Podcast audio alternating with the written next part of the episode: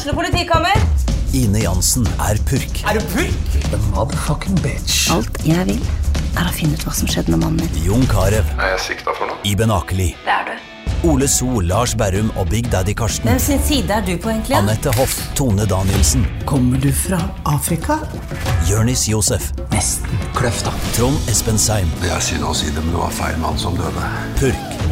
Premiere tirsdag på TV2 Play.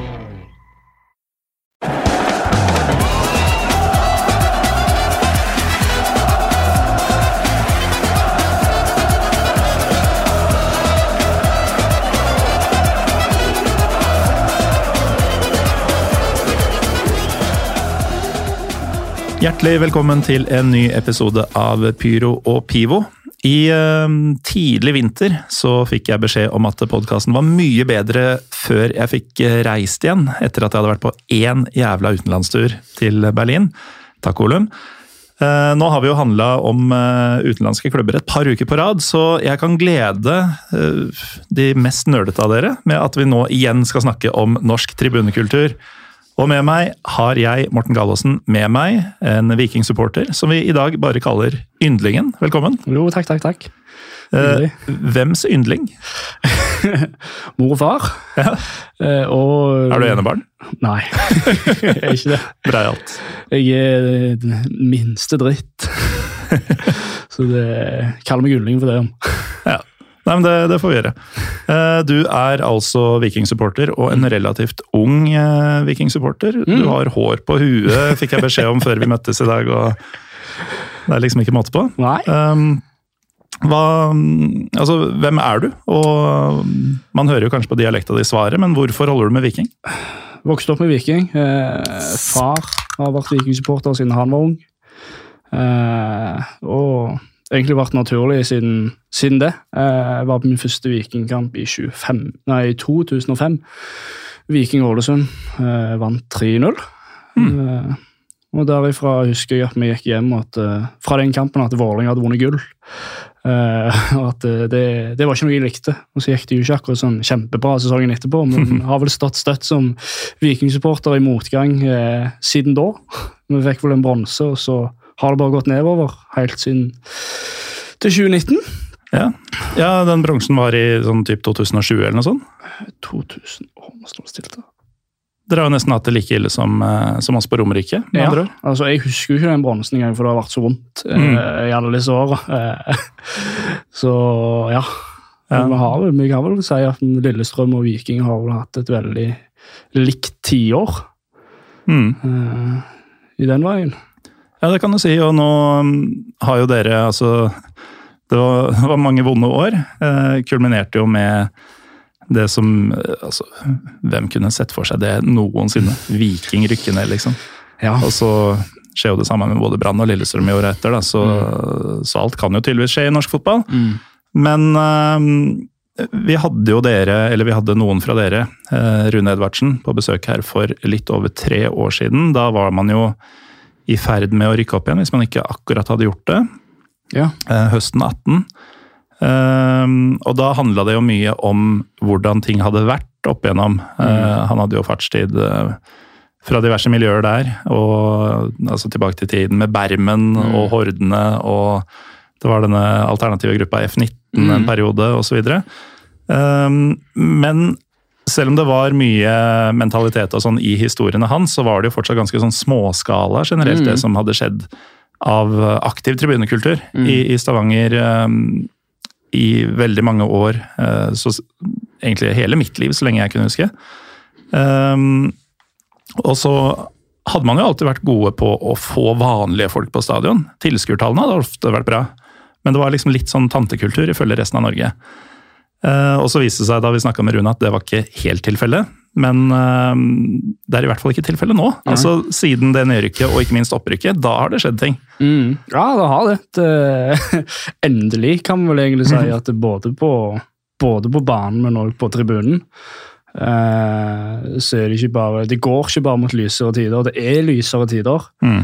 Uh, og vi lever veldig fint med det nå, men vi har òg veldig lyst til å strekke oss enda lenger. eh, Ja, og blir noe større. Mm.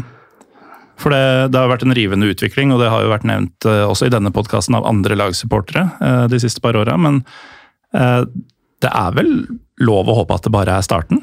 For, for, nå begynner det vel å bli sånn at vanlige folk og yngre folk som ser mot feltet deres og tenker det der er fett, der vil jeg være med. Mm. I stedet for holdt på å si yngre folk i 2001 som tenkte shit, det var noen gamle alkiser. Ja, altså det er jo på en måte et generasjonsskifte. altså Nei, i Vikingkampen så kommer hele junior, eller gutter 16, eh, på tribunen og på feltet og står med oss. Mm. Eh, tror jeg aldri har skjedd før det. Eh, og det er liksom det viser, Vi ser veldig mye ungdom på feltet, og før på, på både R-feltet med de alternative og tidligere Hordene-feltet så var det veldig lite ungdom.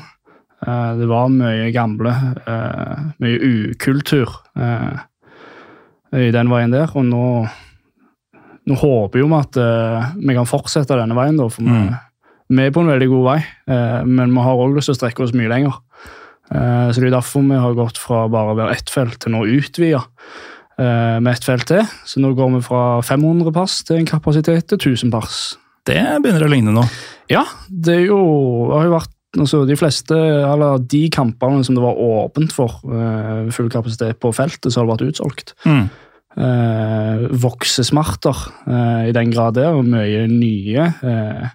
mange som har sett på hvordan vi kjører kultur, og liksom prøver liksom å vise at at de er en del av på en måte kjernen og begynner å, begynner liksom å kjefte rundt. og Det hadde jo tilfeller der, der at det ikke var helt helt godt likt. da. Mm. Eh, så Det er på en måte de voksesmertene. da. Men det, det, merker man jo også i holdt på å si, mer etablerte, store miljøer. Jeg vet jo eh, Vi i Lillestrøm var jo strålende fornøyd med å selge ut stadion mot Vålinga i november.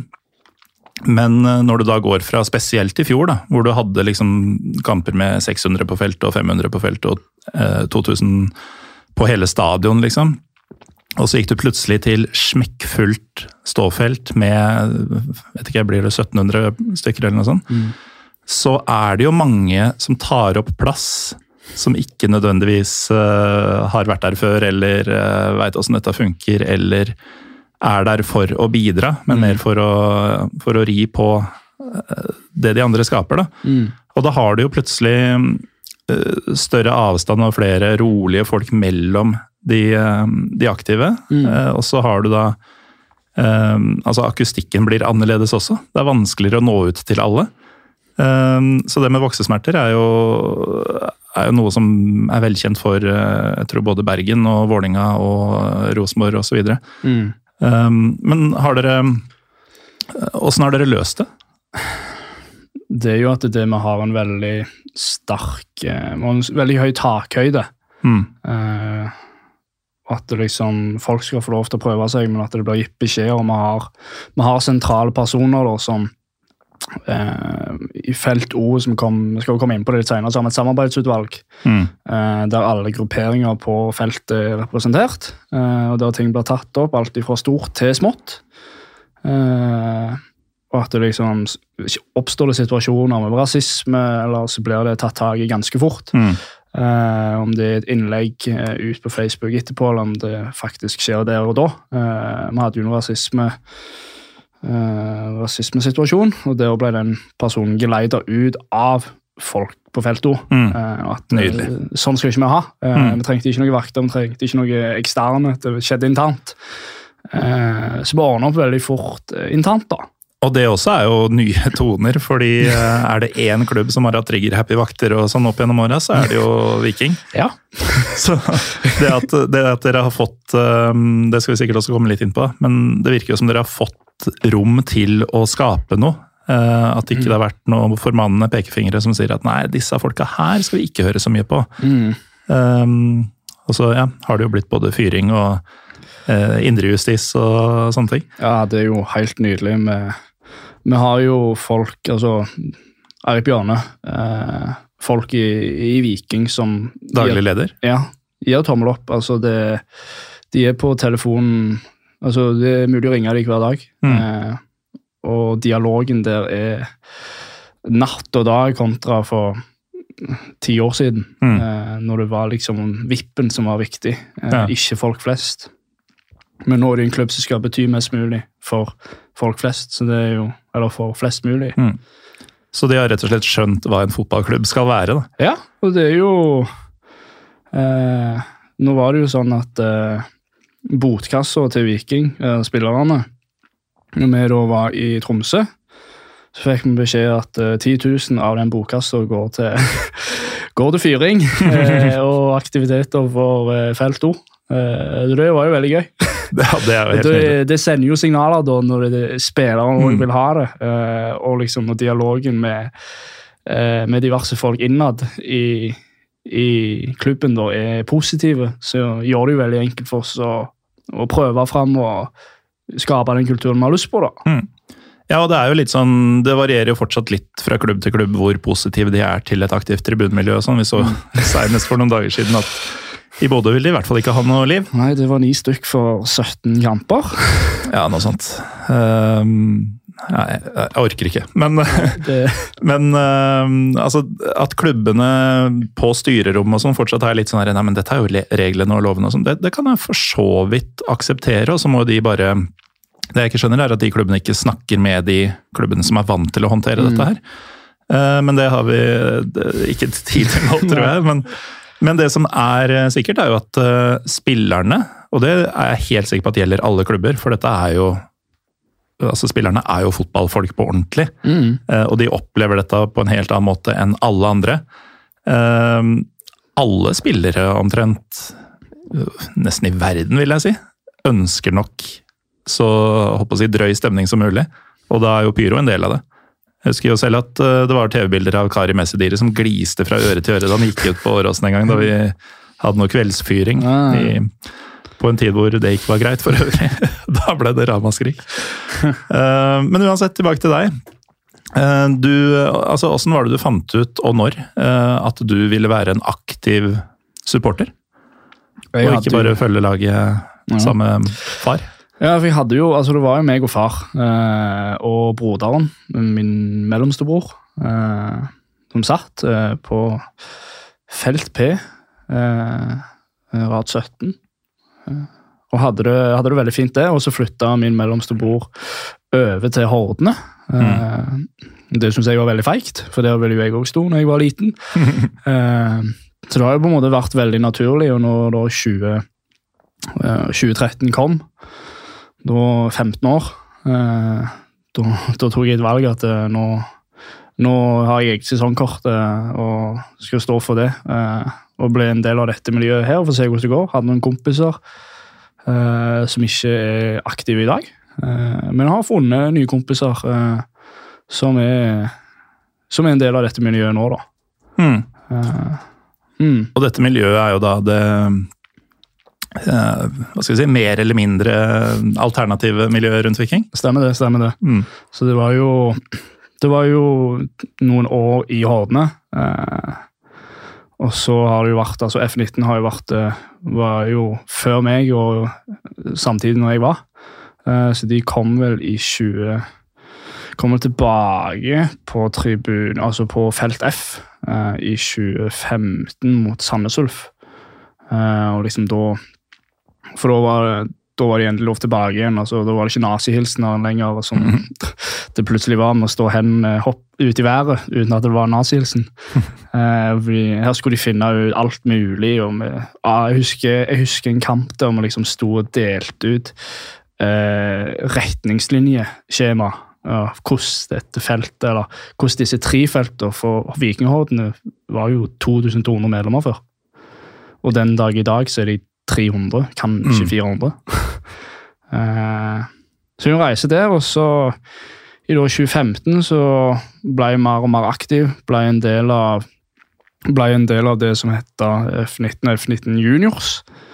Uh, og når vi da i overgangen til 2016 uh, fikk da et eget felt som felt R. Mm. Men eh, du snakker jo om en tid hvor det var utrolig mye splittelse blant uh, supporterne. Altså, hvordan var det for foreldre, brødre og osv. at eh, guttungen valgte den veien? Nei, altså, De var ikke helt fornøyd når de fant eh, bluss og, og sånt på gutterommet. Eh, det var det ikke. Jeg fikk streng beskjed om at de, de, de må du kvitte deg med. Eh, De skulle ikke du ha. Jeg bare, hei. Å, jeg skal kvitte meg med dem. jeg skal kvitte meg med dem. Eh, Bare ikke helt nå. Eh, så ja, men altså, jeg husker jeg tok med Det var jo den rekrutteringsprosessen med de yngre da, i juniors. Mm.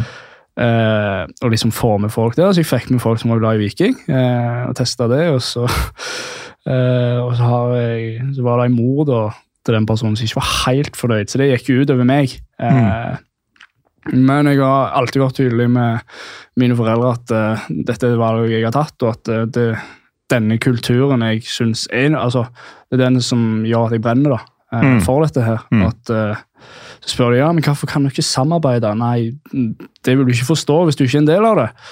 Eh, det tror jeg du kan se i hele Norge, at uh, innenfor tri tribunemessig så forstår du det. At uh, det er diverse splittelser på visse fronter. Mm. Eh, så hjemme på samme lag, og så er det jo på en måte vanskelig når det er på en måte internt. da.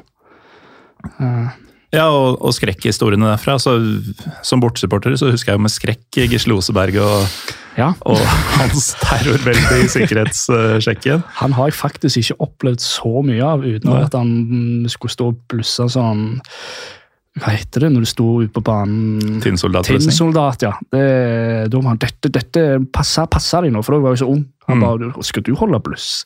Eh, så det er vel det eneste jeg har av han. Mm. heldig nok er jeg. Men uh, altså historiene fra vikinghold på den tida, altså F-19 f.eks., at uh, man kunne jo bli nekta i døra dersom man hadde feil jakke på. Mm. Uh, stemmer det? Altså Var det såpass uh, rigid? Det stemmer, det. Uh, mer at hvis du kom i en gjeng Mm. Du kunne nok gå inn og med rett type Altså fint kledd og komme inn alene Mm. hvis de ikke visste hvem du var. Men liksom kom du i gjeng, liksom, og de så liksom du kjenner, jo, du kjenner jo den typen igjen. Du ser det ganske Ja, kjapt. du gjør det. Uh, Iallfall hvis du er på jakt etter dem. Mm.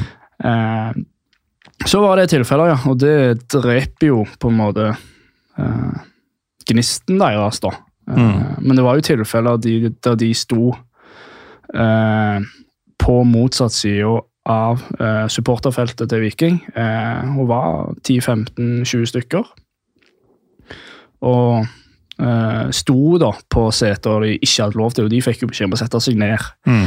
eh, av Viking. Så de har jo blitt motarbeidet ganske hardt. sant? Frem til de på magisk vis fikk eget felt. Ja. Og det gikk jo det gikk jo veldig bra, helt Helt til vi rykka ned. da, da, da måtte det en samling i bånn. ja, og da er vi jo inne på holdt på å si, det virkelige temaet for i dag. Det tok oss bare 17 minutter, det er nesten ny rekord. Um, I kort tid. For det, det har jo, Dere kommer fra et kjempeår eh, sportslig og på tribunen, og det er klart at sånne ting kan henge sammen. Eh, men dere har jo tatt medaljer før uten at eh, livet rundt nødvendigvis har eh, noe særlig preg av det. Men ja, altså, fra den samlinga i bånn, eh, hva, hva er det man har gjort for å komme dit man er i dag? Altså, I 2017 så rykka vi ned, eh, og vi fant vel fort ut av at eh, å stå Da var det ganske labre tider på det alternative feltet òg. på Horden sitt supporterfelt òg så var det veldig glissent. Eh, og vi så veldig tydelig at det her eh, Her må vi legge interne konflikter til sides.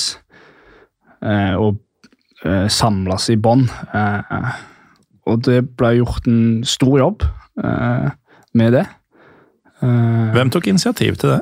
Var det hordene? Var det de alternative? det var en svenske som var inne i bildet her.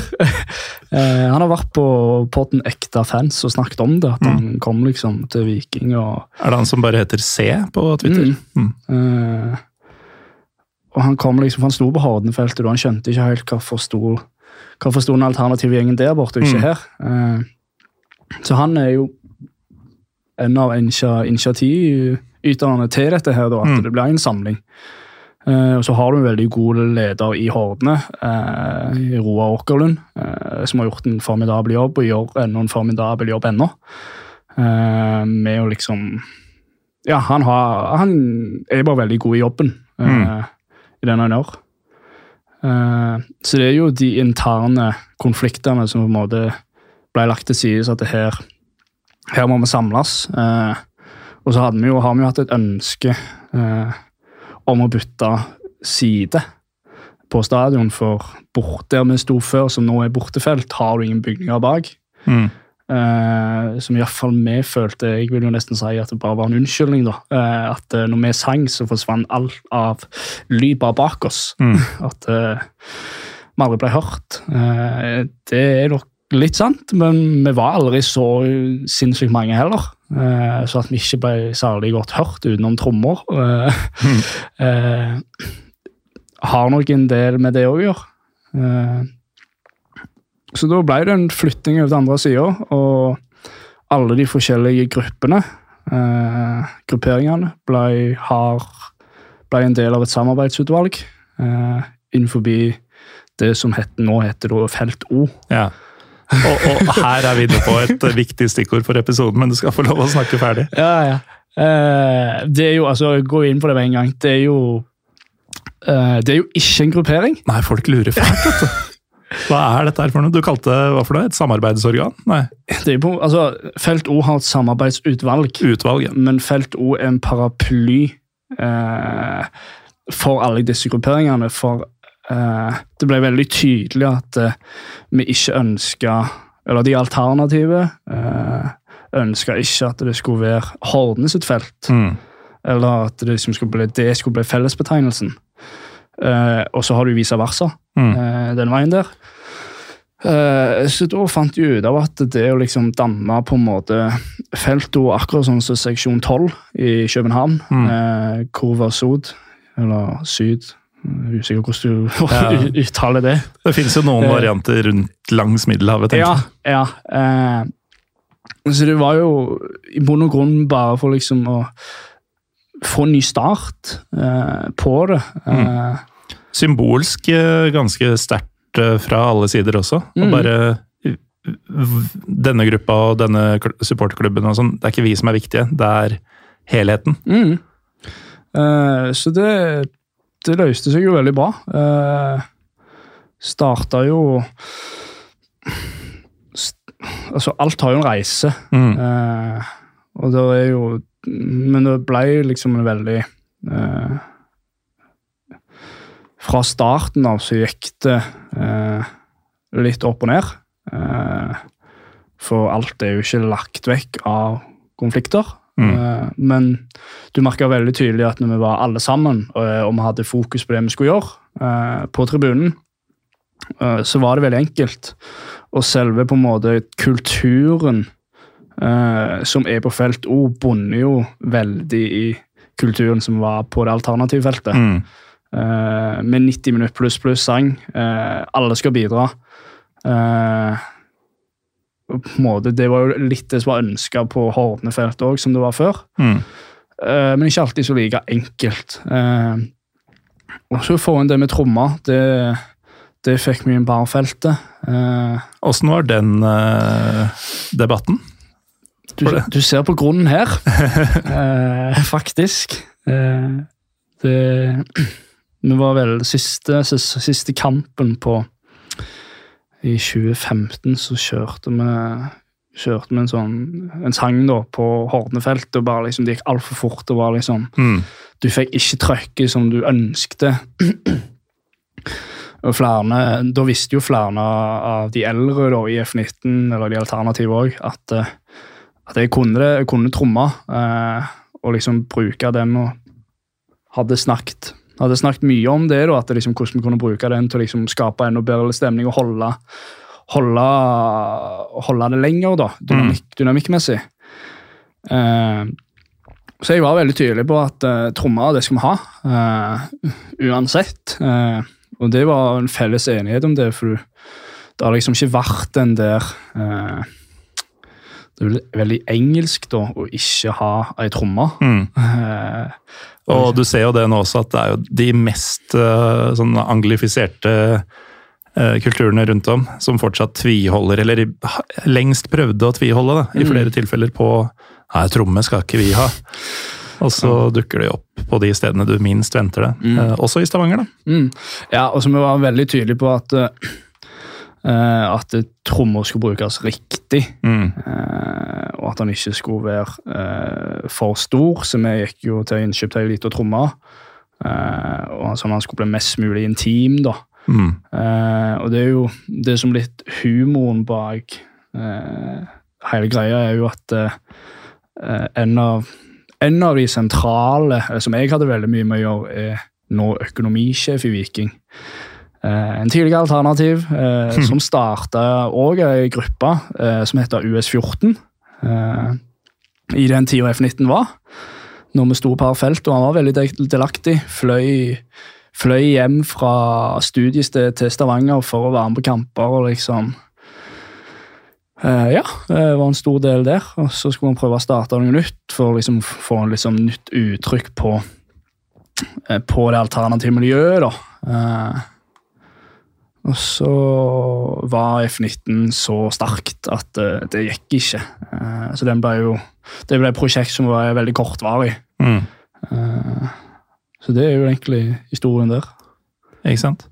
Åssen er det disse gruppene har fått navnene sine? Altså F19 Var det feltet som var F? Men Felt eh, F, rad 19, Hæ? sto den gjengen på. Kan ikke ha vært en veldig stor gjeng hvis du får plass på én rad. Nei, eh, men det bonder vel mest i grunnen av at det var eh, liten kompisgjeng som Mm. ble en større kompisgjeng med felles bekjente. Eh, så kunne de sikkert he- hete Felt 17, 18, 19 òg. Eh, men litt, ja, litt den der med gøyal historie at eh, vi, akkurat vi sto på Felt 19, og Mm. eller ra- ja, Rad 19, Rad da, blir, 19. da blir det det. Mm. Eh, og hva var det andre du sa? US14? US14, Ultra Stavanger 14. Ja. Så det, Gir jo veldig mening når du det gjør jo det. Først det, gjør jo det. Uh, Årstall er viktig for ultrasgrupper, ass. Ja, ikke Du har jo altså, du har jo andre gruppe i Stavanger, Supras-gruppa, uh, som ble starta etter nedrykkssesongen i 2018, som heter BB99. Blå brigade 99. Uh, oppstart, altså Starta jo 2018, eh, skulle nesten tro de het BB18, men Mhm. det ble jo Blå brigade, og så er det 1899 for Viking, så da blir det jo 99. Derfor 99. Ja. Ja, Ja, det, det gir mening. ja det gjør det. For så vidt. Men eh, altså, du eh, har jo vært med på den reisen fra både mm, en litt sånn latterliggjort uh, tribunekultur og splitta tribunekultur til mer eller mindre hylla unisont av resten av landet og ikke minst enhetlige, enhetlig, da, samarbeidende. Det må være helt absurd å ha vært med fra det verste og se hva dere har fått til nå på ganske få år. Ja, eh, og jeg er jo uheldigvis er jeg bosatt i Oslo.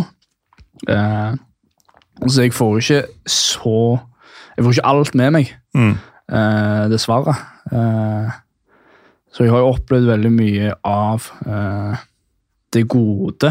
Eh, men mye av det voksesmerten og det vonde som har skjedd, har jeg faktisk ikke fått med meg så mye av. Mm.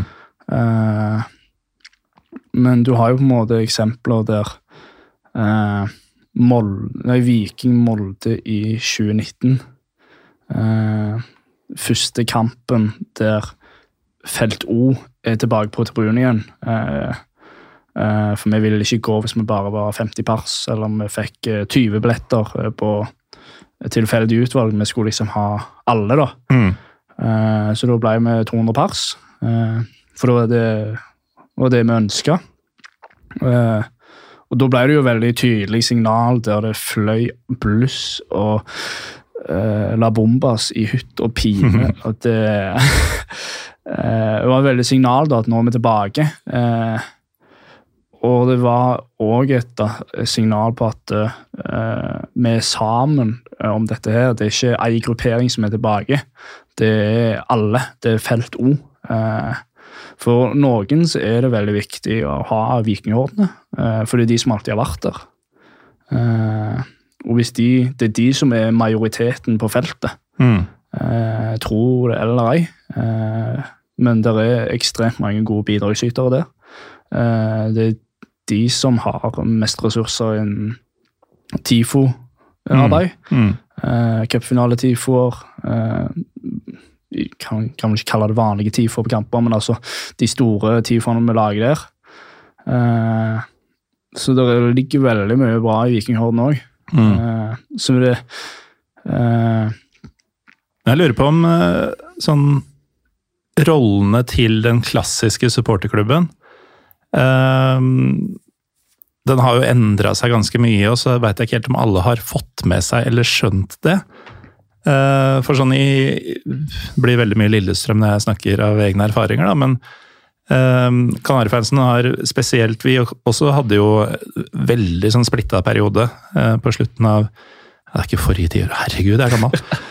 uh, Men sånn 2008, uh, 2008 og de neste tre-fire åra så var det ganske sånn mye bitterhet da, mellom etablerte Kanarifansen og eh, spesielt UFC, men også litt andre grupper som enten fantes eller dukka opp etter hvert. mm, Eh, Og da var det veldig sånn Kanari-fans var veldig på at ingen skulle komme her og ta over verken eh, styringa på tribunen eller eh, noe sånt. Altså det, det var veldig sånn motsatt da, av det å bare Ja. kalle alt for FO. Mm. Det skulle være Kanari-fansen-bannere på alle bortekampene. mm, Og det, det skulle henges opp først på den beste plassen, og sånn, fordi vi var flest. og Mm. eh, Det var sånn hele tida sånn derre maktkamp som egentlig ikke var en maktkamp. mm, Men eh, de siste åra så har man jo fått en leder som også er forsanger, og som også har vært i UFC tidligere.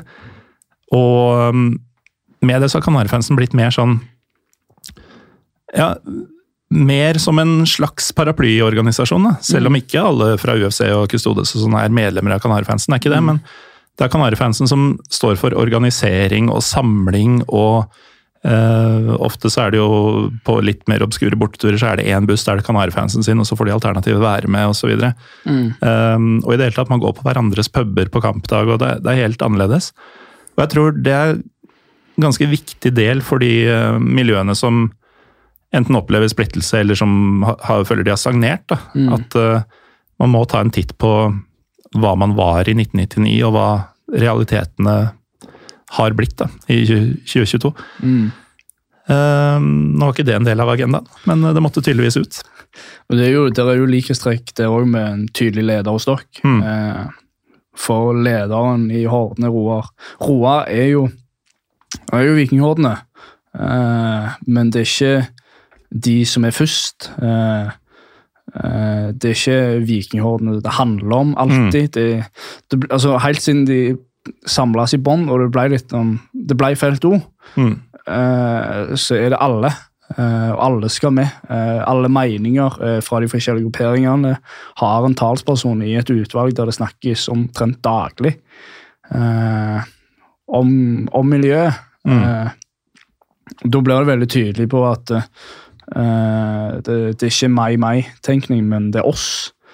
Eh, og det tror jeg er noe Mm. av det viktigste for at eh, dette prosjektet da skal lykkes, eh, og har, har lykkes nå, men og kommer til å lykkes enda mer. Mm. Ja, Når man legger bort det markeringsbehovet som grupper, og Mm. heller eh, ser på hva man faktisk kan få til på vegne av klubben. Da. Um, selvfølgelig frittstående fra klubben, men Ja. det er jo derfor man driver med dette i utgangspunktet. Mm. Men uh, apropos det, så ser jeg at han uh, Jon, som jeg aldri har møtt, han er blitt supporterkoordinator. Ja. Og det er jo et veldig tegn, fordi i alle år hvor man ikke helt har skjønt om Felt 19 er én fyr eller 20, liksom, så er det alltid han som har vært på diverse fora og sånn, og, og snakka eh, alternative Vikings sak. Mm. Og nå har han da Det er jo en slags ansettelse gjennom klubben, tross alt. Mm. Og det viser jo da enten at han har blitt soft, men uh, mer sannsynlig i tråd med alt annet, så virker det som klubben også har skjønt at de skal spille på lag med utviklinga. Mm. Ja, og det er jo veldig tydelig i eh, nesten alt.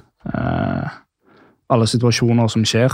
Eh, og at det liksom eh, vi, vi er sammen om dette, eh, og vi ønsker det dere vil. og den eh, Helt siden Eirik Henningsen, som var direktør før, før Eirik Bjørne, som nå er direktør, eh, har det liksom vært at det er dialog Det er ikke vits å utestenge folk eller mm. ikke ha noe dialog, for det fører ikke noe godt. Det er bare midlertidig, men å ha en kontinuerlig dialog der vi faktisk snakker om dette her, hvorfor, hvorfor er vi forskjellige, hvorfor ønsker dere det, hvorfor ønsker dere ikke det, eh, og skape en forståelse for at vi ønsker å ha en kultur med med diverse ting som ikke er støtta av DSB. Eh, og folk innad i brannvesenet og politiet. Og ja, eh, og den delen der, da.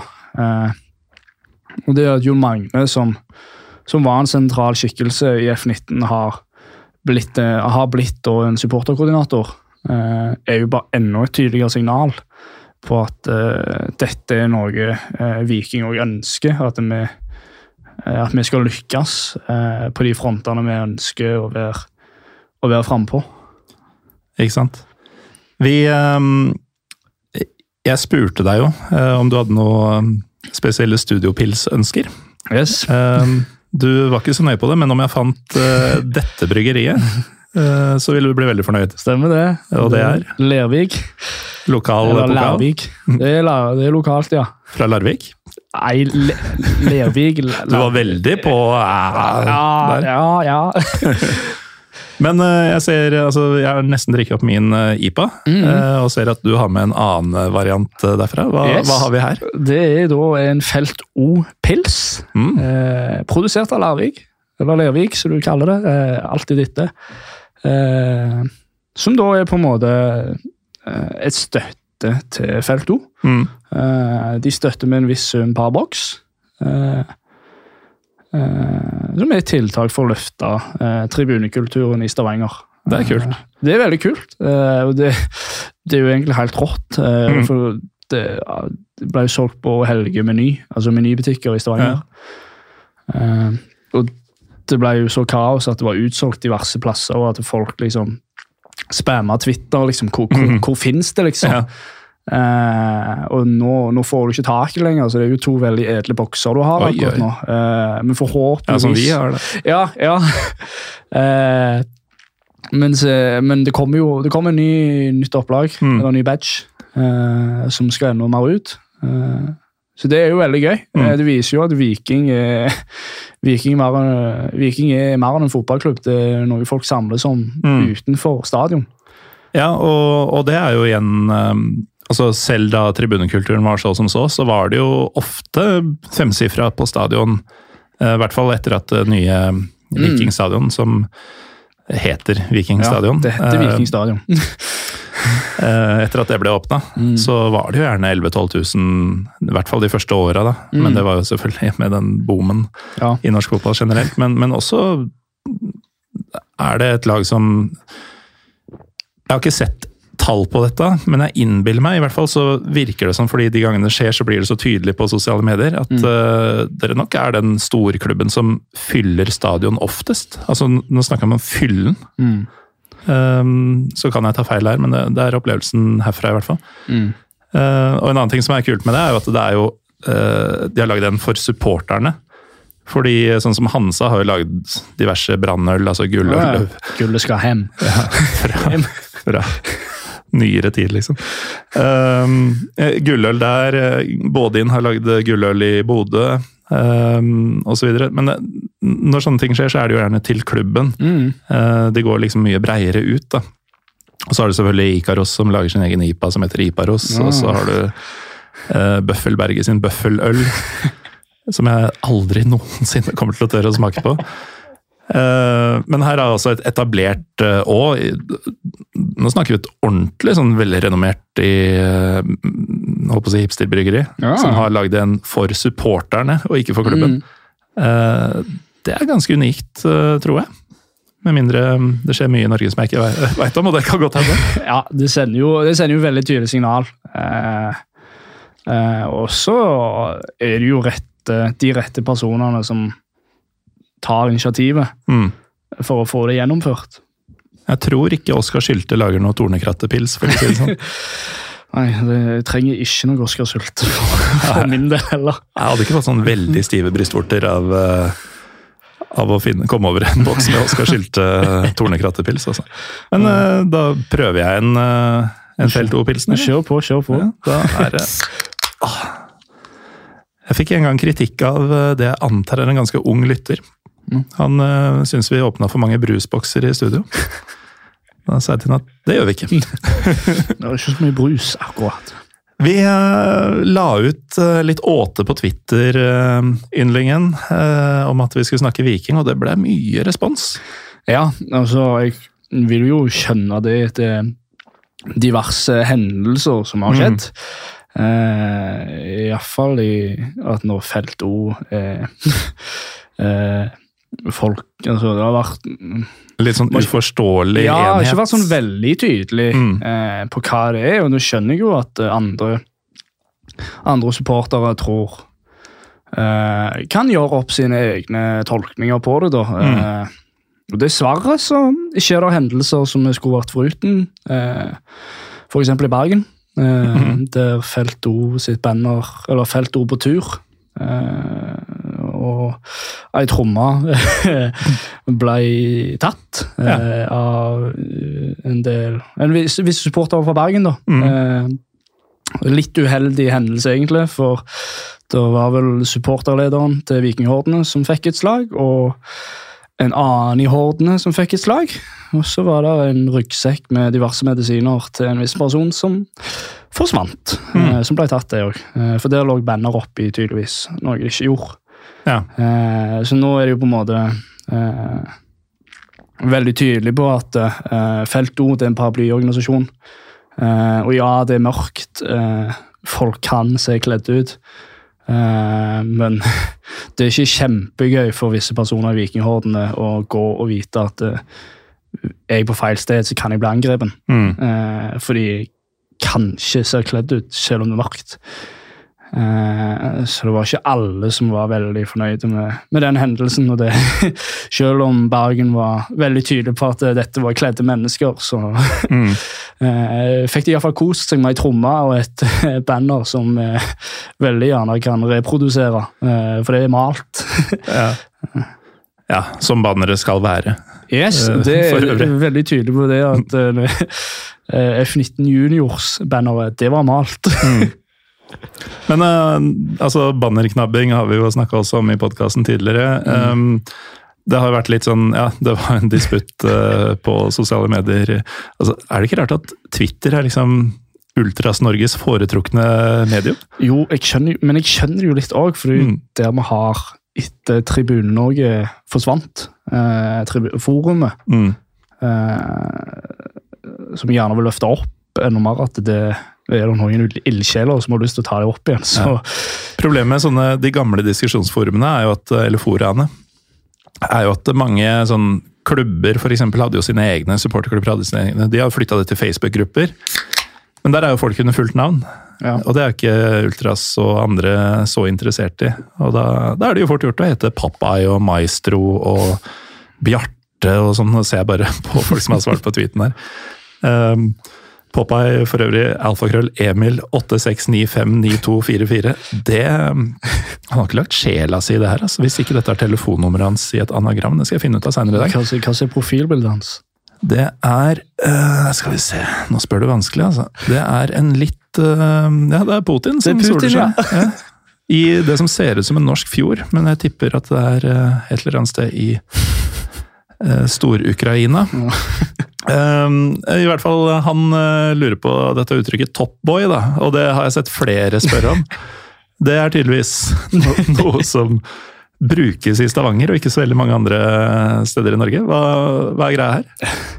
Om det bruker så mye i Stavanger, det, det, det, det vil jeg ikke si de gjør. Eh, det er vel mer at eh, en nyoppstarta gruppe i Stavanger eh, eh, som nå går under 40-20 STVG, eh, Stavanger, eh, har valgt å Da har lederen da valgt å eh, ta den tittelen som toppboy. Eh, og han uttalte òg i podkasten til Felto, eh, som har en egen podkast, at eh, eh, i den gruppa så finnes det både Ultras, eh, og da finnes òg Katze. Mm. Eh, så det Så er det en blandingsgruppe, da, ifølge seg sjøl. Ja, det er jo det. Mm. Eh, og så har, ja, så har han jo visse røtter fra eh, eh, andre steder. Eh, det er noe mer normalt å kalle det Top-Boy, da. Eh, Altså andre steder som i andre land, da. ja, andre land. Ja, for har man sett, og det poengterer jo også han Popeye, har man sett Green Street, så, Ja. så har man jo hørt ordet fra engelsk kultur, i hvert fall. Mm, men han er, han, er jo ikke, han er jo ikke mayor. Nei. Eller major. Major. Major. Um, nei, ikke sant. Så da er det mer eller mindre oppklart at det Ja, er ja, eh, så det, det, det er ikke normalt eh, fra før, men det er noe nytt nå. Eh, og jeg mener oppriktig at vi skal heie på det. Eh, for vi har, vi har ikke godt av nedleggelser i Tribune-Norge. Eh, for vi, vi, vi er ikke så store. Eh, og så er det jo, Jeg skjønner jo at eh, visse eh, derby og hat og liksom rivalisering det, det må være litt. og Jeg er ikke imot bannerknapping, jeg er ikke imot nedleggelser, men eh, hadde F-19 vært oppe nå, for eksempel Ja, for, for de mista jo banneret sitt og landet. ja, Er det, går det an å ta storyen, eller er det, Det- for, det for sårt? Det, det går an. Eh, det er jo litt sånn Altså, F-19 Jeg kan jo bare, før du setter i gang for uh, uinnvidde, Mm. så er jo en del av den såkalte ultrasonboka at uh, mister du banneret ditt og ikke får det tilbake um, innen rimelig tid, så skal du legge ned gruppa. mm. Og ja, da kan du fortelle hva som skjedde. Eh, Vi hadde F-19 var ikke akkurat kjent for å reise på så mye borteturer, for vi hadde jo ikke særlig medgang. Det var jo motgang, og Mm. uh, hvis vi først reiste på turer, så Klubben og medsupporterne ville ikke ha dere der. Og, Ja. Uh, så det var, det var noen som alltid reiste på tur, uh, og hull de. Og de fronta Fronta kulturen hadde vi hadde med eh, bannere på tur. Eh, og så var vi i Bergen, eh, mot Nest Sotra. Den kampen vi tapte 5-0. Mm. Så det banneret ble tatt ned til pause, lagt i en ryggsekk. Eh, F-19-banneret og Vikinghordene-banneret. Eh, ble lagt i en ryggsekk, og så var det pause. Eh, og han ene var på do, eh, og de andre sto og snakket litt sånn opp, oppe på tribunen. da. Eh, og så kommer det da to småunger eh, i en rakende stor fart. Springende forbi, ta sekken, eh, løper og inn i en, inn i en skog. Eh, inn i skauen, liksom. Og det, her var det folk som ikke var en del av F-19 som sprang. Jeg tror, jeg er usikker hvor mange som, jeg var der ikke, men hvor mange som sprang etter det. Eh, det var iallfall ikke bare folk fra F-19. Eh, for dette, dette skulle tas, liksom, beskyttes. Mhm. Så det eneste, eneste de så, var liksom, de sprang i en skog, og så var det en bil som kjørte vekk. da. Så så de hadde fluktbilen klar? de, altså, det, det, her var det en plan, Uh, og det, det, er jo litt gøy at eh, Bergen For Bergen omtaler jo ikke Vikingbanen eller Brann Viking som et uh, derby eller rivalisering. Men det begynner å bli et par hendelser nå. Ja, de har jo altså Jeg vil jo si det går litt imot deres ord. eh, at det ikke er det, for når du legger, legger, når du legger en plan da, eh, med fluktbil eh, om at eh, Ha det bra! Så så er det en viss rivalisering, da. Eh, Ja, så jeg, uten sammenligning for øvrig, så så jeg denne serien Norske krimsaker på Viaplay her om dagen, en episode om Munch-ranet. Der var også fluktbil ganske sentralt. Så um, er det jo selvfølgelig mye mer verdt å knabbe bannere til motstanderfans enn to malerier som er ganske kjedelige å se på, men, ja. um, men utover det, fluktbil uh, bruker man vel egentlig bare hvis man mener alvor. Mm. Så er det jo Jeg er jo der i dag at uh, uh, F-19 eh, drømmer jo liksom om hvordan hadde det vært i dag. Mm. Eh, for da, altså, når det er lagt ned, så dør jo mye av engasjementet for flere. Uh, og det er flere som i dag som er aktive uh, på feltet uh, og på sittertribunen. Mm. Men så er det også flere som ikke har den samme tilhørigheten lenger. for Ja, for det er jo mange som sier sånn her ja, men gruppa må legge ned, men de folka er jo de samme og kan bare sette opp igjen et nytt navn. Men gruppa er mye. Mm, det er jo også det, For noen så var det viktigere enn familien. Mm. Eh, for det har vært så mye kriger eh, med det. Eh, og da er det sånn, jeg som er ny, eh, når jeg sitter liksom og syns det er drit, eh, så kan jeg jo bare tenke meg tigangen eh, for de som virkelig har vært igjennom alle disse utestengelsene. Eh, alle disse periodene med motgang, eh, som ikke bare er på banen, men også på tribunen. Eh, men sånn er det. Eh, og Det går ikke an å gjøre noe med nå, men akkurat nå så er vi på en helt eh, syk reise. eh, som bare går oppover. Mm. Eh, og vi, vi er ikke halvveis ennå engang. Eh, for vi har du snakker, Når du snakker med folk i Viking som jobber i klubben, så skal hele kortsida være stående supportere. Mange ville det vært det? 1500 pluss Det er 2000. Eh, Ganske to- sexy tanke. ja, to, jeg tror det er 2200, Mm. eh, om ikke enda mer. Eh, og det er ganske da snakker, da snakker vi store mengder. Mm. Det vil bare Blir voksesmerter da òg. veldig tydelige voksesmerter. Så det er jo veldig spennende å se. Nå har vi jo to felt. Så det blir jo 1000 stykker der. Eh, problemet har jo vært at vi, vi ikke har hatt rom for å Når det da er utsolgt, så har vi ikke rom for eh, å vokse så mye mer. Mm. Eh, Åssen er det med de, de to felta sånn rent praktisk? Er det, er det lett å holde på å si, operere som en enhet, eller blir det mye gjerder og styr? Nå er det jo snakk om at de skal bygge over den ene inngangen. Så skal de bygge sånn Capo-tårn, da. Mm. Eh, det har ikke sett så mye til ennå. Eh, men det har jo vært, vel, det har jo vært tydelig at eh, den gruppa skal stå der. Eh, liksom prøve å fordele oss, da. Eh, og For at det skal være trøkk overalt? Ja. eh, og så får vi håpe at, det gjørs, at det blir gjort bra på banen.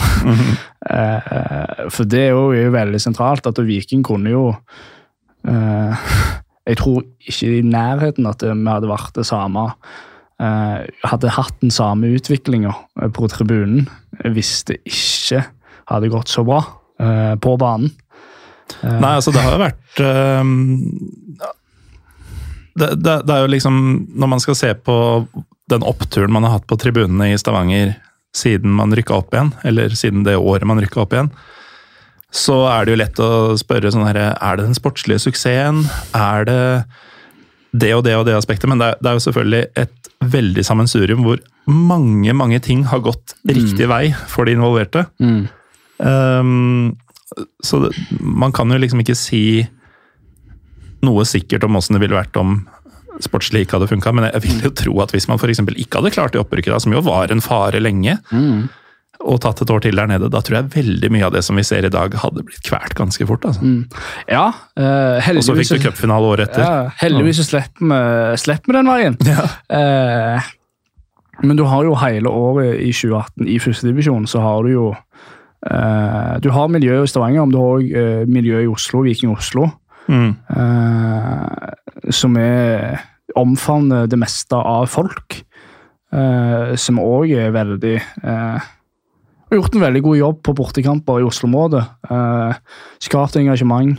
Eh, og det blir veldig enkelt for folk i Oslo å henge seg på. Eh, De har mye av æren for at eh, det har vært mye folk i Sarpsborg, på Vålerenga, Lillestrøm, eh, Notodden, når vi var der i 2018. Eh, og på disse kampene lokalt her i Oslo og omegn Sandefjord, Mm. blant annet. Altså eh, For uten, altså uten de så hadde det ikke vært et særlig sterkt miljø her i Oslo. Mm.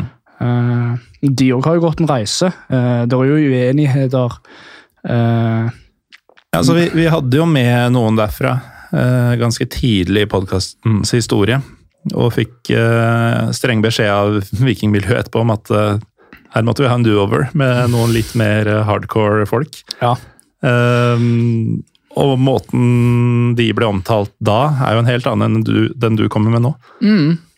Eh, og det Så jeg tror, eh, sånn som Felt O er organisert, så må vi ha med alle Mm. Eh, og ja, det er uenigheter om hvordan vi skal gjøre det.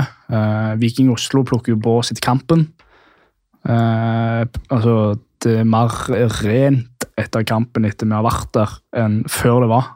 Eller før vi kom. Eh, eh, har, de har jo med seg boss- bossbåser. Ja, På ordentlig? Ja, søppelsekker. Har med, liksom, har med det, og så går de og plukker, plukker boss etterpå. På bortekamper? Mhm. Det er jo helt sjukt. Eh, det, det har de fått veldig mye god PR for, da. Ja. Eh, og så har du tilfeller på en måte, altså, der liksom, du merker at det her, her er forskjellen. da, at det, på en måte, eh, når vi, Vålerenga Viking nå sist, eh, i fjor eh, I Oslo? I Oslo så, uh, så skulle vi henge opp bannere. Uh, så var det ett Viking Oslo-banner. Og så kom det opp ett til. To, to stykker samme banner. Da, da kom det litt tydelige meldinger fra liksom de sentrale i Stavanger. Da, at hva, hva er det som skjer her? med det er ikke PR vi driver på, driver på med, liksom. Eh, reklame. Eh, og den veien der. Men det, men det er jo sånn Det er ikke alle som er innafor den kulturen Mm. eh, som veldig mange har bl blir vist i, i, tribun, i tribunemiljøet i Stavanger. Mm. Eh, så det er jo når du bor i Oslo, liksom, så er det Ok, vi hadde med to bander. Ja, vi henger de opp. Det, det er den tankegangen. Det er ikke, det er ikke noe mer enn det. Eh, de har bare Oi, vi hadde med to. Da, ja, ja, da, da blir det sånn. Istedenfor for at liksom Nei, vi legger det ned det andre. Det er jo, det er jo Viking. Det står jo Viking på det. Uh, og det er jo det de tenker. De tenker ikke at de skal profilere uh, seg sjøl i den grad. Mm. Eh, så det er jo på en måte litt den der mistolkning av konflikter, da. Ja. Så her handler det mer om eh, hensikten enn Mm. handlinga. Mm. Vi, vi har snakka om veldig mye hyggelige ting, uh, Yndlingen. Det er et par stykker, og jeg ser at begge kommer fra Lillestrøm, uh, som vil at jeg skal ta opp uh, skåringsmusikk. Det gjøres mye riktig i Stavanger. Er det og ja, Det er vanskelig å skylde på Idol-Kjartan også, fordi dette har vært eh, holdt på å si et problem eh, fra et bortesupporterperspektiv, i hvert fall i veldig, veldig, veldig mange år. Er, er, er det noe håp, eller? Kan, kan man bli kvitt det, eller er det sånn at uh, disse sittefolka som alltid har vært der, uh, er såpass sterke at uh, den blir værende? Jeg skal, jeg skal være helt ærlig. Jeg syns uh, den vi har nå, er litt fengende. eh, og det er fordi eh, nå har jeg blitt vant med det. og det altså, Mm. Felt O representerer nå 500, kanskje 1000. Eh, snitt. Så er det 9000 andre. Ja, så det er 9000 andre. eh, Og vi kan ytre så mye vi vil, men det, det er det vi får tilbake i fleisen. og For unger og familier så er det veldig gøy. Mm. Fordi de har ikke samme syne som oss. Eh, og kampen Ja, vi kan prøve å ta kampen, men det er Du ser etter at det målet er skåret, at det, det gjør noe med de andre og aktiviserer de. Eh, og så er det veldig Jeg tror ikke vi har Altså, jeg tror ikke vi har spilt av to ulike sanger, men kanskje han har spilt av to ganger etter hverandre.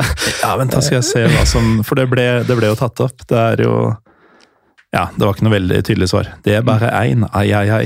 Ja, ja for det, det er en ai, ai, ai, eh, som òg er en direkte kopiering av et eh, svensk album. som vi fant ut nå i, for noen år siden, at uh, veldig mange vikingsanger er kopiert. uh, direkte plagiat av eh, et svensk album. Nei, men Det du sier med at du syns den er fengende eh, Jeg skal miste en del følgere og lyttere nå ved å innrømme at jeg er ikke udelt negativ til skåringsmusikk, faktisk.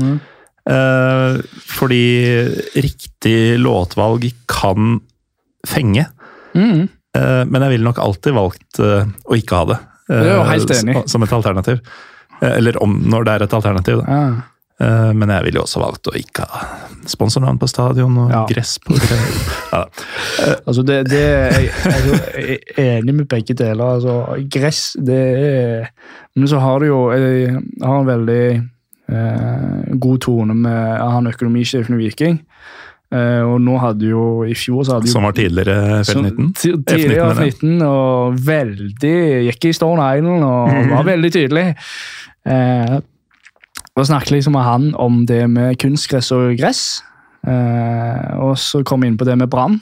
Eh, og at eh, medlemmene der gikk imot eh, kunstgressomlegging. Eh, men det skal òg sies at banen der, i Brann, og treningsbanen, var så dårlig Mm. at uh, baneforholdene gjorde at kvaliteten på spillet til Brann ikke kunne bli så mye bedre. Fordi de fikk ikke optimale treningsforhold. Uh, og det kan jeg si meg enig i at uh, kunstgress har en fordel. Det er mer stabilt. Det er mer stabilt. Du må jo bytte det over en femårsperiode. Og det er kostnader med det òg. Jeg, tror, jeg tror oppriktig at Viking nå eh, hadde klart eh, å opprettholde en, god, en veldig god gressbane og en veldig god eh, treningsbane med gress. Mm. Eh, men så har du jo den økonomiske krisa som skjedde eh, med Viking, der de holdt på, var på nær med å gå konkurs. Eh, og da inngikk en avtale om at det, det er ikke bare A-laget som skal bruke den. Her er det flere både jentelag, kvinnelag, guttelag, eh, aldersbestemte lag som skal bruke denne banen. Og da holder det ikke gress. Eh, gress eh, blir, har en mye større slitasje.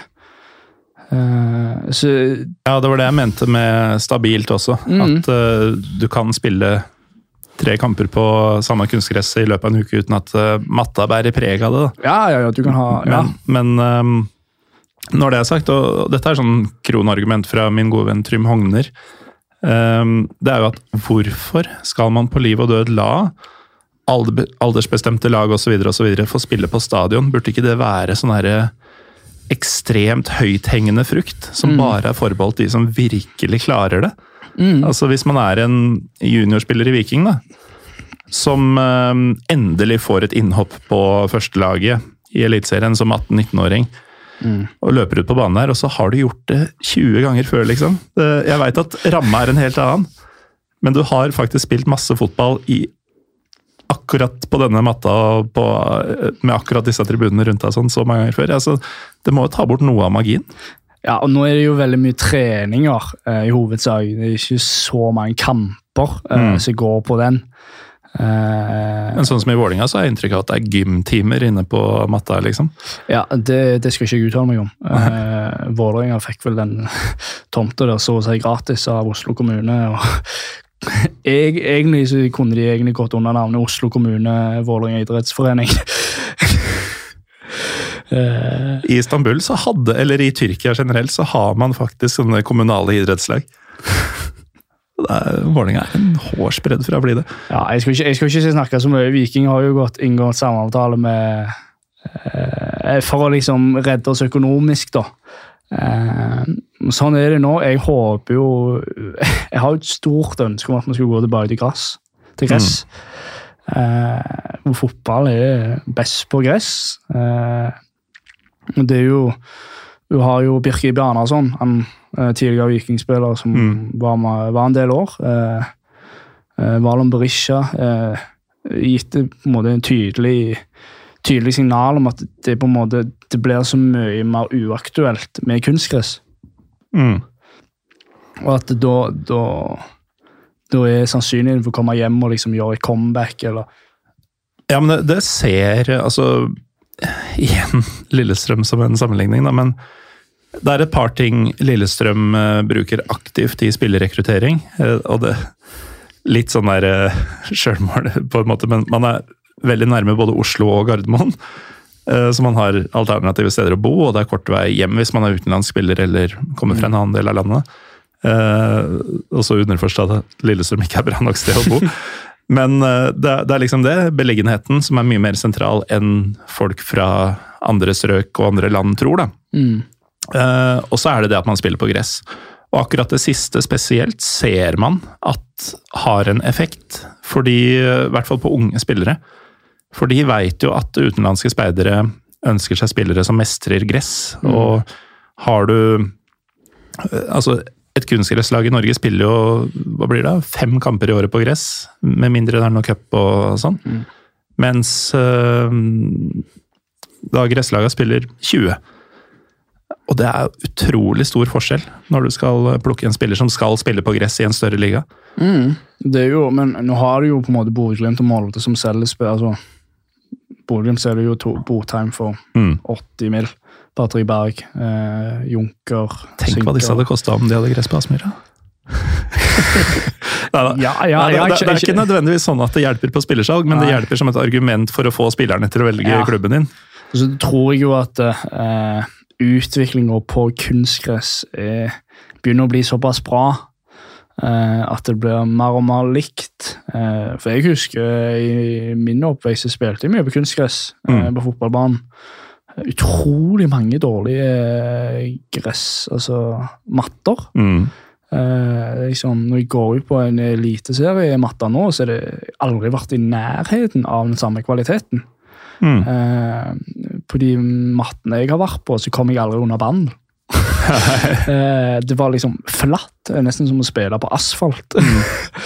Eh, Nå er jeg jo mer, mer uheldig for min del, da. Eh, Men jeg tror jo Det blir aldri likt som gress. eh, Men når økonomien i norsk fotball er der at eh, det lønner seg, eh, og spesielt når norsk fotball er ikke så stort. Mm. Du har ikke veldig mange store byer.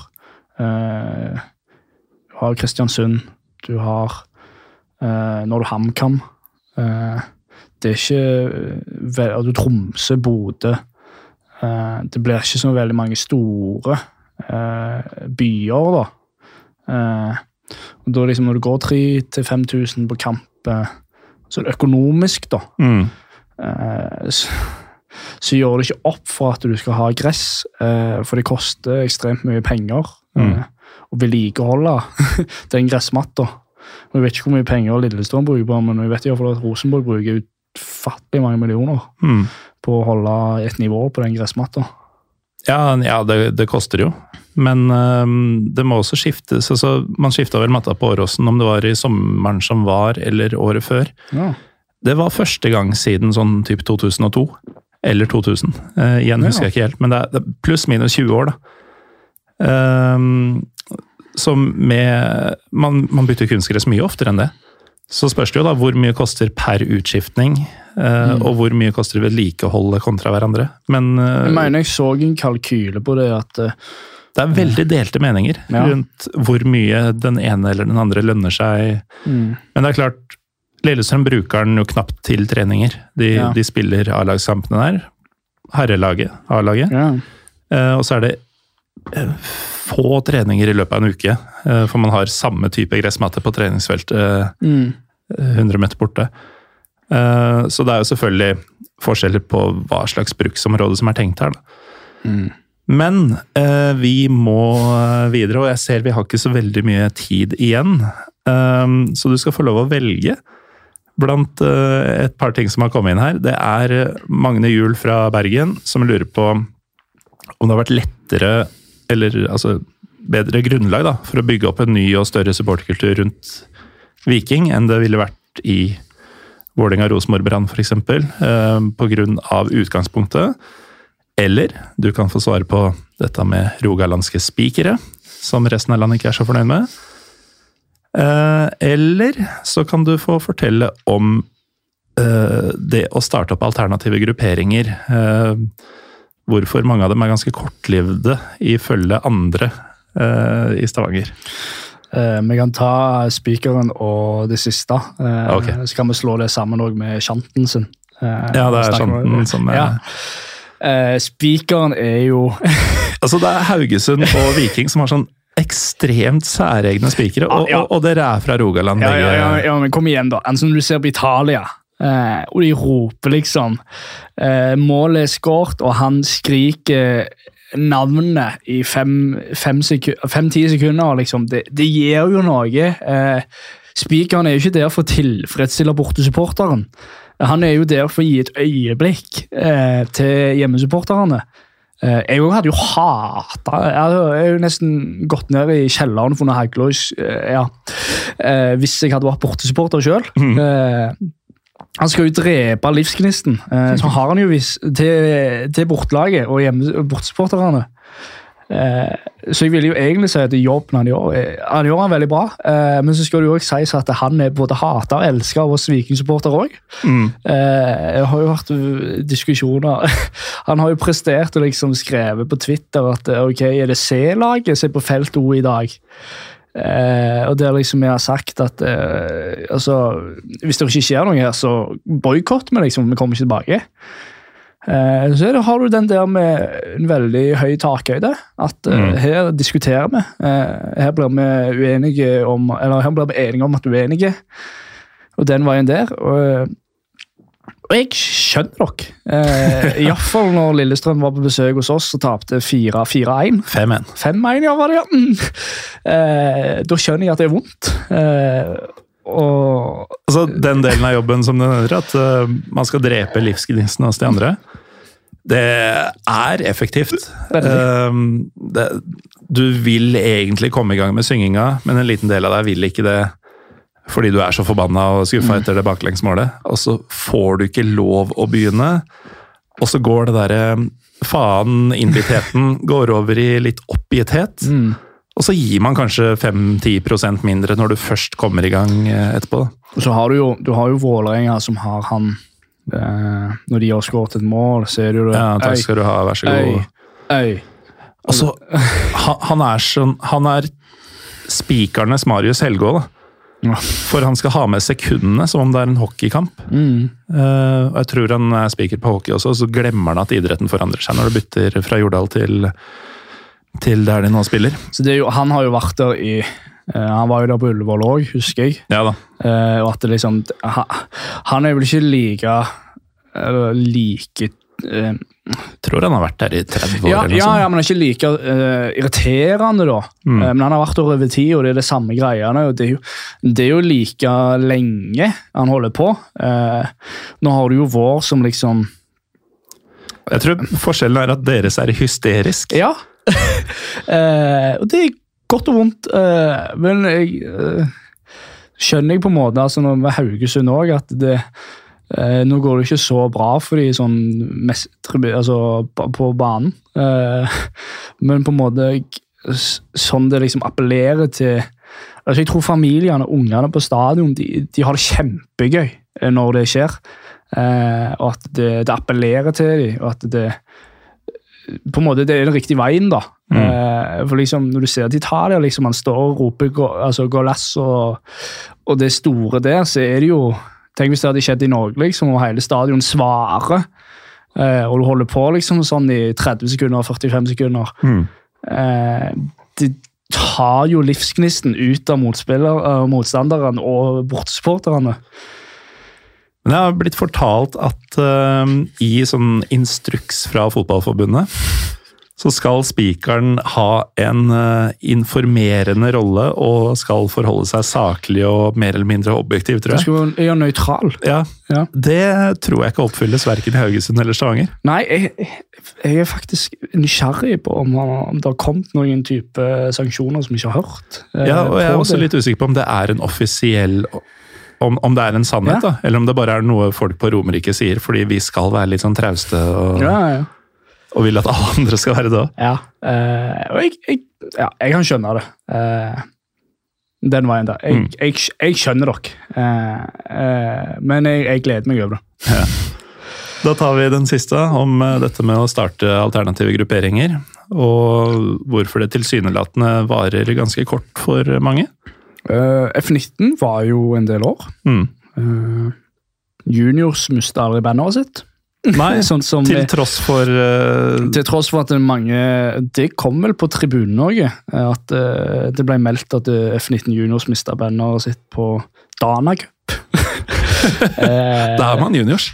det skal sies at det, det var en gjeng på 16-17-åringer, eh, og de kunne være fem stykker. De kunne være 25. Mm. Eh, og at det, det så veldig lyst ut på den fronten der med rekruttering. Eh, det, vi kunne ha kamper der vi sang eh, de eldre mot de yngre. Eh, og liksom frem, frem og tilbake. Og at det, det ble De eldre, de eldre syntes det var veldig gøy, og at dette her ser lyst ut med tanke på framtida, og at rekrutteringsmessig Og så gikk det noen år. Eh, det bandet ble mista. Det er det eneste banneret som er mista, og det er den eneste grupperinga i Stavanger som er lagt ned pga. Mm. det. Eh, du har tidligere SIC, eh, som er lagt ned lenge før det. Eh, Stavanger Yngre Casuals, hvis ingen kjenner til det. Og nå har du BB99, som er gruppering. De teller et antall medlemmer. Og så har du den nyoppstarta alternative grupperinga 4020. Mm. Uh, og det var de som var en blanding av B og C? Det er de som blanding av B og C, ja. Mm. Med en toppboy. Der er jeg toppboy med. Uh, Åssen uh, er det med um, oss bortefans, og så er det noen fare for at det er en liten gjeng som kommer og skal danse? Eller, eller er det relativt lite og rolig? Jeg tror, jeg tror det skal gå veldig fint. Mm. når når Star Altså, sist tilfelle er vel Start Nei, Brann. Brann mm. Eh, for noen år siden. Igjen er det Brann, altså. Ja, de, det, det, er veldig gøy. Eh, det ble litt sånn meldinger på Twitter om det. Eh, eh, for de sto det var, var politiet i bildet. Liksom, det var rett med stadion, for noen satt på, på puben med stadion. Eh, så var det noen blomsterkasser som fikk fram og tilbake, men det var ingen som tørte å, eh, tørte å komme ut. da. Eh, nå husker jeg ikke helt hvem som satt på puben av de to. Eh, nå har jo jeg historien fra vår side, eh, men jeg husker jo at de, de, som, de som sto da og jeg husker jo at de Brann-supporterne sto på en måte og gjemte seg da eh, mm. bak disse blomsterkassene. Uh, så får de heller arrestere meg hvis det er helt feil. Uh, men det er vel sist hendelse det har vært noe sånn knuffing mm. på den fronten der. Du har Start i 2016, som var besøk, kom fra, fra Irishman gående mot oss eh, i puben i, i, Vågen. Vi var på en pub, eh, 30-40 mann. Eh, hører, vi, hører vi at ok, nå er det ut forbi, vi går ut. Eh, ikke noe mer enn at eh, fem stykk får slått noen slag. Start-supporterne, eh, tror dere Uh, jeg har en video som jeg kan vise etterpå der han blir kasta ned i bakken ute. og det, Der er ølglasset flyr, og der kommer folk fra uh, Tigerberget som sitter på bort, uh, puben rett på sida, som stopper liksom start, og så kommer det folk fra Vikinghorden som stopper oss. Uh, og Det har jo litt med sånn at vi, vi skal beskytte byen vår. Uh, mm. Men så har du jo tilfeller i hva var det nå? Da har jo en ene som har kommet, gitt et spørsmål om at hvorfor reiser, hvorfor reiser vi til Danmark mm. når det er vikingstart? Eh, Eh, og Da var det bare fire stykk som reiste eh, på en studietur. Eh, en faktisk studietur? Faktisk studietur. Så, så de måtte dra? Ja, altså Måtte og måtte. Det er vel mer prioriteringer uh, ja. for deres del. da. Jeg kan ikke stå for det. Jeg var på, jeg var på kampen. Mm. Uh, jeg så Start kose seg i Stavanger by uten at vi gjorde noe med det. Uh, Røykbomber her og der. og de så ut til å ha det veldig gøy på feltet, eh, som nå er hjemmesupporterfeltet. Eh, og så fikk vi Vi sto på feltet flere mann eh, på hjemme, hjemmesupporterfeltet og eh, gjorde den jobben vi pleier å gjøre. Uh, og så hadde vel de et mer ønske da, om å på en måte få til noe Uh, møter eh, ja. i byen. Da. Herje litt rundt i byen for å få kalle ja. oppmerksomhet? Ja, få litt oppmerksomhet. Og de, de, fikk vel litt mindre enn de ønska, så nå bruker de vel den der at uh, at uh, hele, hele alternativmiljøet var på, på tur til Danmark, men det var bare fire mm. personer, og de fikk ikke den motstanden de ønska. Så det Ja.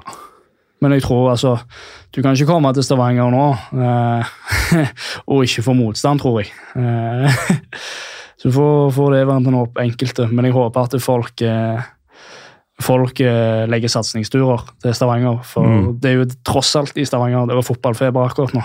Eh, og forhåpentligvis gjør Viking det bra. Eh, og Ja, altså sånn Avslutningsvis, hva er eh, planene deres og håpet ditt eh, for sesongen som kommer? Altså, det er jo åpenbart tenkt at man skal vokse videre. det er det. Eh, eh, og vi har jo gått ut at nå, nå øker vi antallet eh, på feltet fra 500 til 1000. eh, med rom for å vokse. Og så er det jo den veien at jeg tror vi kommer til å kjempe om medalje.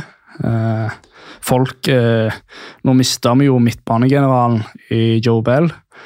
Eh, og at hadde vi beholdt han, så er det flere som hadde sagt ok, dere, dere er gullfavoritter over Bodø-Glimt, for de har jo mista flere sentrale.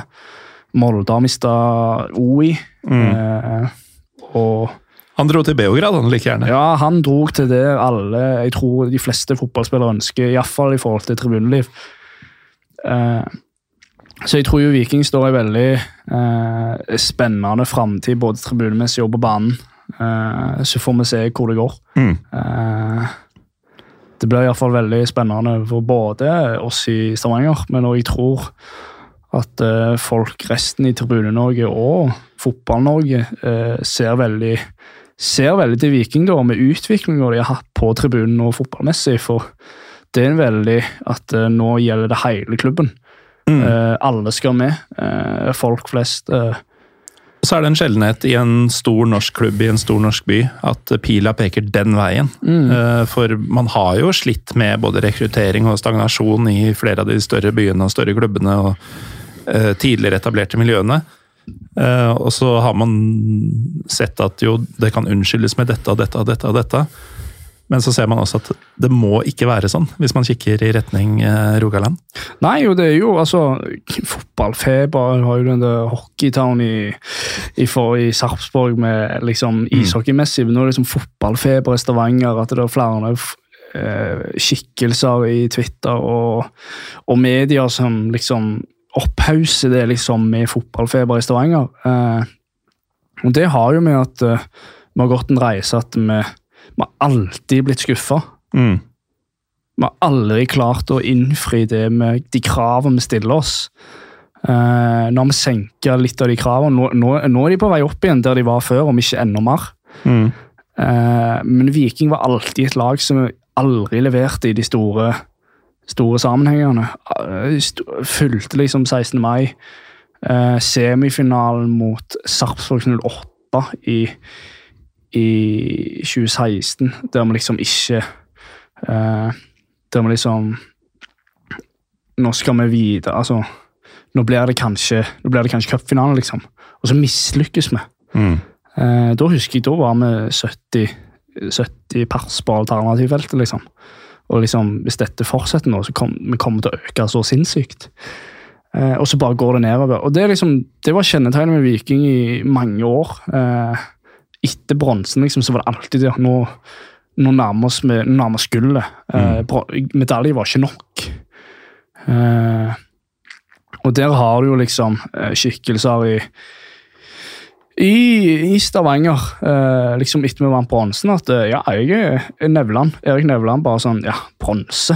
Eh, mm å feire det for? Vi, Ja, det er jo, vi, skal, vi skal høyere. Vi, nå er det Europa. Uh, vi skal ut i det landet. og det, vi, det er jo litt sånn Vi i Stavanger sitter jo og håper på at vi skal ikke bare få en litt sånn spennende, spennende bortetur, men at vi skal liksom ned mot Balkanområdet og eh, få prøve oss eh, på det tribunemessige. Så får vi se hvordan det går.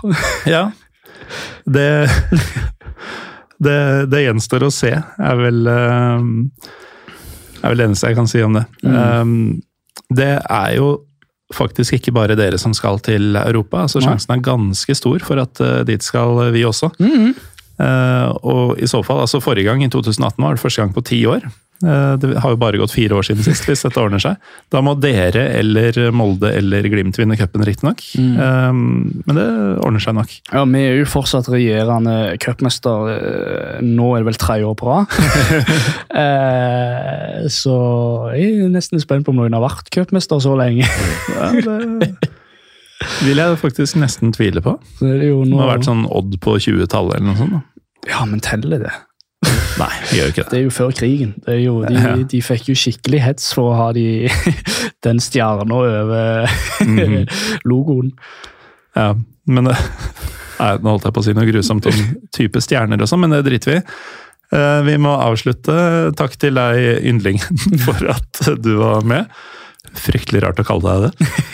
Eh, Takk til deg som hører på. Jeg er eh, Morten Galaasen. Vi er Pyro Pivopod på Twitter og Instagram. Jeg drar en liten tur til Istanbul i helga, så inshallah høres vi neste uke. I mellomtida, lenge leve Gyldren Ibrahimai.